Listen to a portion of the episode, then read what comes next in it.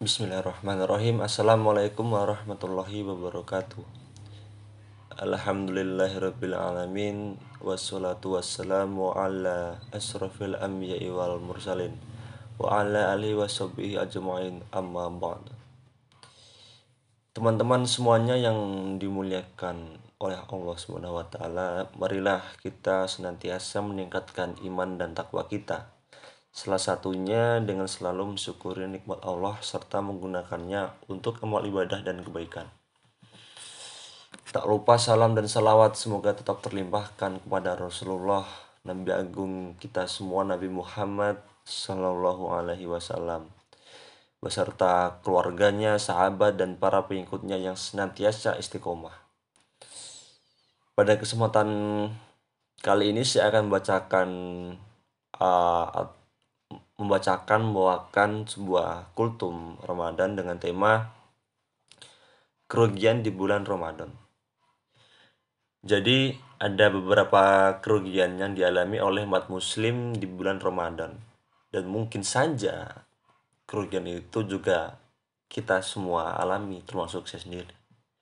Jadi yang pertama itu tidak berpuasa dan tidak beribadah dengan maksimal. Perintah puasa di bulan Ramadan ini bagi setiap orang yang mengaku beriman sudah sangat jelas tertuang di dalam surat Al-Baqarah ayat 183. Tapi banyak sekali di antara kita ini yang mengaku beriman, sehat, dan tidak sedang berhalangan, tapi tidak menjalankan ibadah puasa. Padahal jika kita uh, uh, melihat berdasarkan pada rukun Islam, maka seseorang belum bisa dikatakan beragama Islam jika belum bersyahadat, menegakkan sholat, dan mengerjakan puasa. Sementara zakat dan ibadah haji hanya diwajibkan kepada yang mampu saja. Selain itu, ada juga di antara kita ini, dan mungkin termasuk kita semua yang berpuasa, tapi tidak melakukan amal ibadah lainnya dengan maksimal puasanya sekedar puasa saja. Padahal bulan Ramadan ini menyimpan uh, menyimpan potensi potensi pahala yang tidak terbatas atau pahala yang dilipat gandakan. Ibadah sunnah pahalanya dihitung seperti ibadah wajib dan ibadah wajib ini pahalanya dilipat gandakan sampai tak terhingga. Dalam sebuah hadis yang berbunyi, barang siapa yang melakukan kebaikan ibadah sunnah di bulan Ramadan, pahalanya seperti melakukan ibadah wajib dibanding bulan yang lainnya. Dan barang siapa melakukan kewajiban di dalamnya, maka pahalanya seperti melakukan 70 kewajiban dibanding bulan lainnya. Hadis riwayat Ibnu Huzaimah. Kemudian hadis berikutnya yang berbunyi setiap amalan kebaikan anak Adam akan dilipat gandakan menjadi 10 hingga 700 kali dari kebaikan yang semisal. Allah Azza wa Jalla berfirman yang artinya kecuali puasa amalan tersebut untukku dan aku sendiri yang akan membalasnya karena dia telah meninggalkan syahwat dan makanannya demi aku. Hadis riwayat Muslim. Yang kedua, puasa hanya mendapatkan lapar dan dahaga. Di satu sisi bulan Ramadan menawarkan pahala yang tak terhingga. Di sisi lain, banyak di antara kita semua yang berpuasa tapi tidak mendapatkan apa-apa. Tidak mendapatkan ya, pahala atau yang lain kecuali rasa lapar dan dahaga. Dan sebuah hadis riwayat At-Tobrani yang berbunyi betapa banyak orang yang berpuasa namun tidak mendapatkan dari puasa yang tersebut kecuali rasa lapar dan dahaga. Beberapa beberapa uh, perkara yang menyebabkan hilangnya pahala puasa itu seperti kita ini berbohong, hibah dan fitnah, uh, mengadu domba, sumpah palsu, dan melihat aurat lawan jenis dengan syahwat atau dengan uh, nafsu yang berlebihan gitu kan teman-teman. Orang-orang tersebut puasa tetap sah tapi tidak mendapatkan pahala atas puasanya itu. Yang ketiga ini tidak mengikuti terawih hingga selesai. Terkadang kita kita ini kan melihat uh, ada orang yang meninggalkan sholat tarawih sebelum sholat witir. Nah itu uh, dalam sabda Nabi Muhammad SAW menjanjikan satu keutamaan bagi orang yang mengikuti tarawih sampai selesai. Beliau bersabda, orang yang sholat tarawih mengikuti imam sampai selesai, ditulis baginya pahala sholat semalam suntuk. Hadis riwayat Tirmidzi, Ibnu Majah dan Ahmad.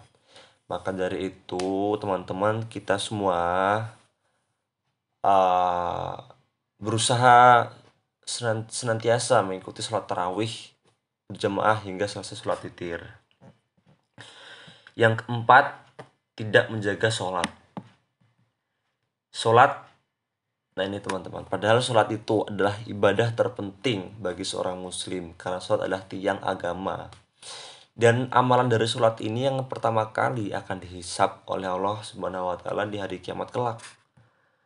Dalam sebuah hadis sesungguhnya pertama kali yang dihisap dari segenap amalan hamba di hari kiamat kelak adalah salatnya. Bila salatnya baik, maka beruntunglah ia. Dan bila mana salatnya rusak, sungguh kerugian menimpanya. Hadis riwayat Tirmizi. Untuk uh, seorang untuk para laki-laki hendaknya senantiasa mengerjakan sholat lima waktu di masjid karena bagi orang yang malas sholat di masjid uh, Nabi mengkategorikannya itu golongan orang munafik. Dalam sebuah hadis riwayat Bukhari Muslim itu ber, uh, yang bunyi yang berbunyi sesungguhnya tiada yang dirasa berat oleh seorang munafik kecuali melaksanakan salat isya dan salat subuh di masjid. Meskipun di hadis tersebut hanya disebutkan sholat isya dan subuh, tapi kita ini tidak boleh meremehkan sholat lainnya. Karena apa? Karena uh, jika kita amati saat ini justru sholat asar ini yang sering kali jemaahnya itu sedikit. Kemudian orang tadi itu yang dikategorikan golongan orang munafik. Nah orang munafik itu oleh Allah diancam dengan neraka jahanam. Dalam Quran surat An-Nisa ayat 140 Sesungguhnya Allah akan mengumpulkan orang-orang munafik dan orang-orang kafir di dalam jahanam. Yang kelima, tidak membiasakan membaca Al-Quran. Membaca Al-Quran ini adalah sebuah amalan yang sangat dianjurkan baik di bulan Ramadan maupun bulan lainnya. Di dalam sebuah hadis surat Trimidzi, Nabi bersabda, Barang siapa yang membaca satu huruf dari Al-Quran, maka baginya satu kebaikan. Dan satu kebaikan itu dilipat gandakan dengan seluruh pahala. Aku tidak mengatakan alif, lam, mim adalah satu huruf. Akan tetapi alif satu huruf, lam satu huruf, dan mim satu huruf. Mung, uh, mungkin teman-teman semua sudah sering mendengar ya dengan hadis ini yang uh, terutama untuk kalimat terakhir aku tidak mengatakan alif lam mim itu satu huruf tetapi alif satu huruf lam satu huruf dan dan mim satu huruf. Ya semoga teman-teman cuma diberikan kepahaman. Dan uh, pahala membaca Al-Quran ini sangat besar ya teman-teman. Belum lagi jika kita kerjakan di bulan Ramadan di mana setiap amal kebaikan akan dilibat gandakan sampai tak terhingga. Maka dari itu marilah kita semua ini membiasakan diri kita membaca Al-Quran paling tidak di bulan Ramadan ini bisa khatam satu kali. Rata-rata dalam satu juz itu kan biasanya terdiri dari 10 muka atau 20 halaman ya teman-teman. Jadi jika uh, kita setiap setelah salat fardu kita membaca dua muka jadi dua muka itu kan ya sudah banyak lah teman-teman. Insya Allah dalam sebulan kita ini bisa bisa khatam satu kali. Apalagi ketika puasa itu kan biasanya banyak waktu luang tuh yang bisa kita gunakan yang bisa kita gunakan untuk membaca Al-Quran. Misalnya setelah berbuka atau setelah terawih dan menjelang imsyak itu kemudian yang terakhir itu uh, lebih buruk Ramadan tahun ini lebih buruk dari tahun yang lalu. Atau atau bisa dikatakan kita diri kita sendiri ini apakah lebih buruk dari tahun lalu atau lebih baik jadi jika puasa Ramadan tahun ini lebih buruk dari tahun yang lalu, maka sesungguhnya kita adalah orang yang mengalami kerugian. Jangan sampai teman-teman Ramadan tahun ini lebih buruk dari tahun yang lalu. Sebisa mungkin harus lebih baik dari sebelumnya. Karena orang yang beruntung adalah orang-orang yang hari ini lebih baik daripada hari kemarin. Maka dari itu uh, masing-masing dari kita ini harus uh, mengintrospeksi diri apakah kualitas ibadah kita tahun ini lebih baik dari tahun sebelumnya atau justru malah menurun atau semakin buruk. Makanya kita ini menggunakan waktu di bulan Ramadan ini dengan sebaik-baiknya karena kan belum tentu tahun depan kita ini akan menjumpai lagi bulan yang sangat mulia ini. Jadi uh, hanya tadi yang dapat saya sampaikan. Kurang lebihnya saya mohon maaf apabila terdapat salah dalam pengucapan, salah kata-kata. Itu datangkan diri saya dan saya mohon maaf dan apabila terdapat kelebihannya itu datangkan dari Allah Subhanahu wa taala. Baik uh, billahi khairat. Wassalamualaikum warahmatullahi wabarakatuh.